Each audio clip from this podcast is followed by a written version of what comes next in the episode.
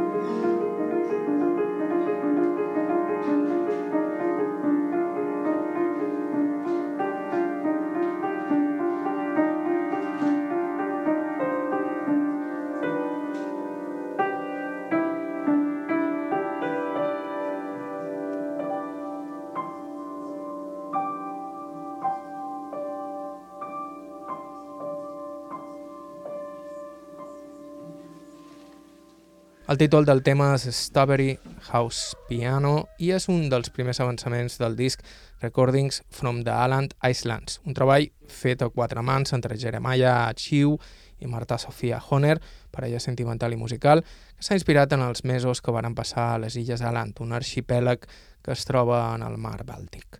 Música creada a partir de viola i sintetitzadors modulars amb un aire documental, viu i amb un poder de vocació brutal i un disc que apareixerà a principis de març a través d'un dels nostres segells de capçalera.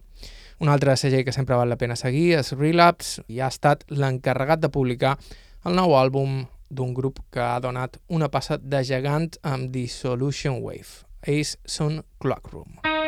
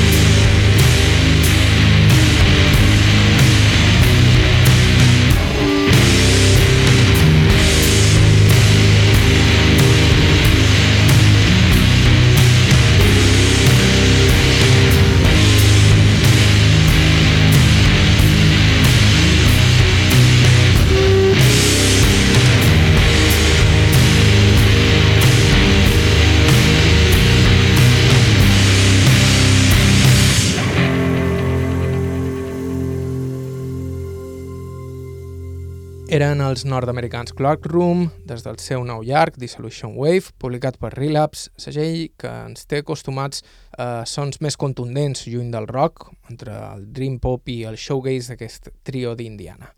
A Dissolution Wave, Clockroom han donat una passa de gegant, diria, rematant un disc excepcional tocat per la sensació de pèrdua i la tristor, que sona banda sonora perfecta per aquests darrers anys que ens ha tocat viure. El tema que hem escoltat es titulava Lamspring. I això és Pareidolia, la cara B de l'esperat nou disc de Mythmore.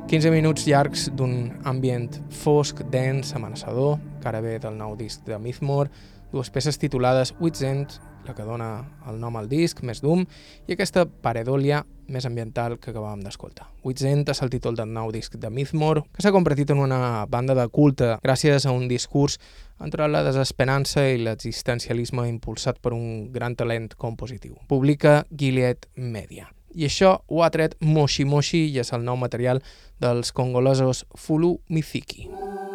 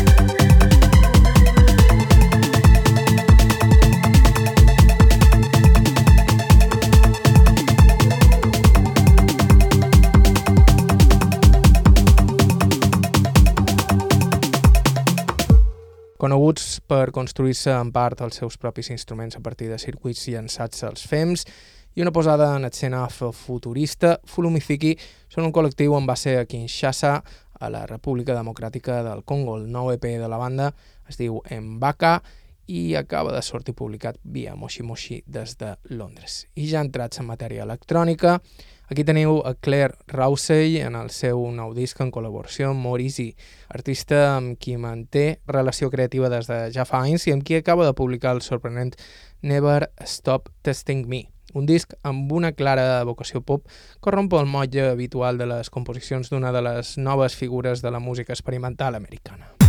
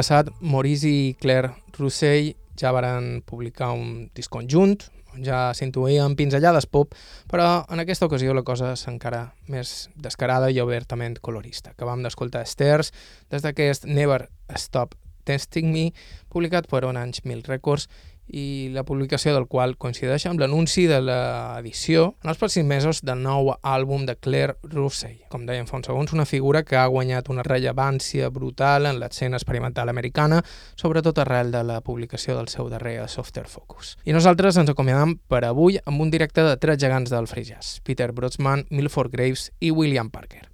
El celler Black Editions acaba d'iniciar la recuperació de material inèdit del bateria Milford Graves i ha arrencat amb aquest Historic Music Past Tense Future, que documenta el concert el 29 de març de 2002 d'aquests tres genis al desaparegut CBGBs de Nova York. amb prop de 15 minuts de dispersió musical incomparable, posant punt i final en aquest nou 140 dB. Tornem en unes quantes setmanes a IB3 Música. Fins llavors, ens podeu escriure a 140dbpodcast arroba gmail.com. Salutacions de qui us parla, Joan Cabot. Gràcies per ser a l'altre costat i fins prest.